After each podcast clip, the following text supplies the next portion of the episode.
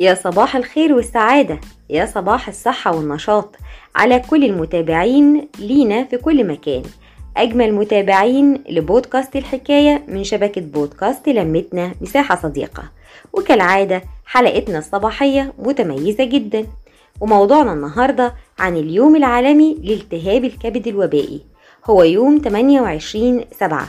واللي حدته منظمة الصحة العالمية بهدف زيادة ورفع التوعية بالتهاب الكبد الوبائي بي وسي بالإضافة لتشجيع ودعم عمليات الوقاية التشخيصية والعلاجية.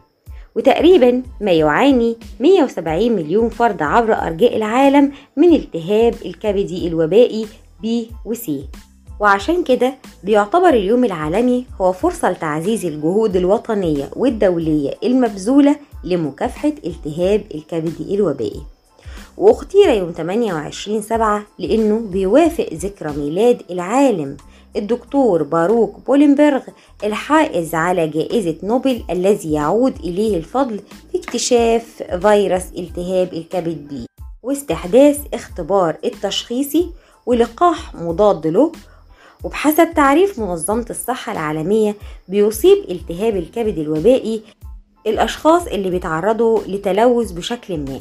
يمكن لبعض أنواع التهاب الكبد الوبائي أن يتم الشفاء منها تماما بأخذ الأدوية المناسبة ليها واللقاحات المناسبة. ولكن في حالة الإهمال أحيانا بيتطور الأمر لتليف أو تشمع أو سرطان لا قدر الله بالكبد. وبحسب منظمة الصحة العالمية فهناك لقاحات آمنة جدا وناجحة لالتهاب الكبد من أنواع ألف وب وه غير إن نوع التهاب الكبد الوبائي الفيروسي جيم هو النوع اللي لغاية دلوقتي بيدوروا على لقاح ليه وغير متواجد ليه لقاح معروف غير المضادات الحيوية وغيرها من الأدوية البسيطة.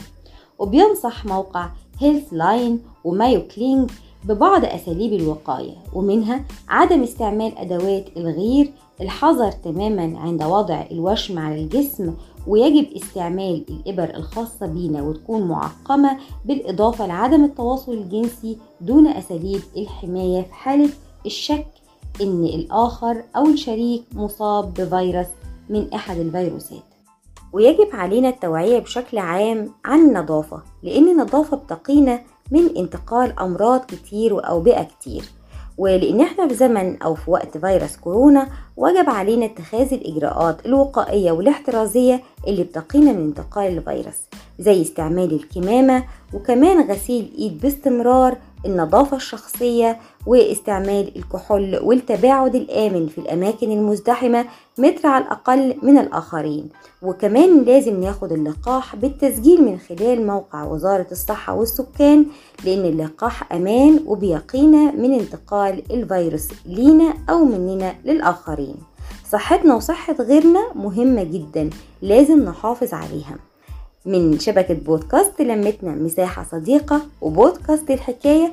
بنتمنى ليكم دوام الصحة والعافية وليكم مننا كل الحب. صفاء فوزي.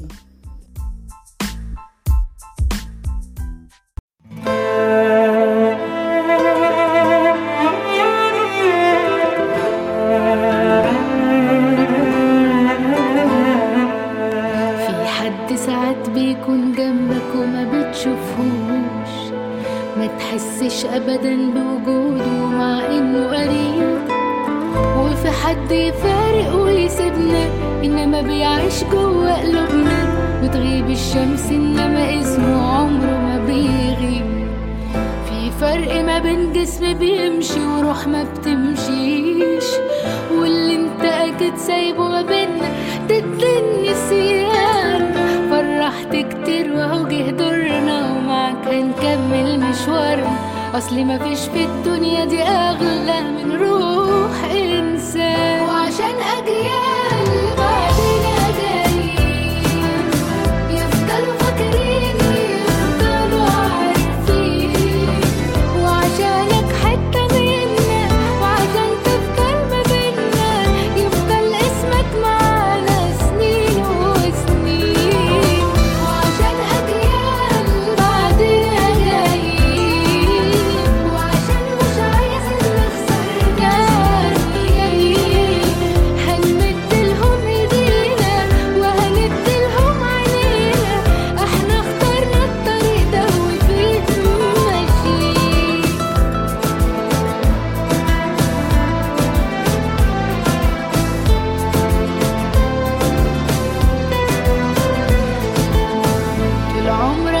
بنحس وجعنا ومن غير ما نقول.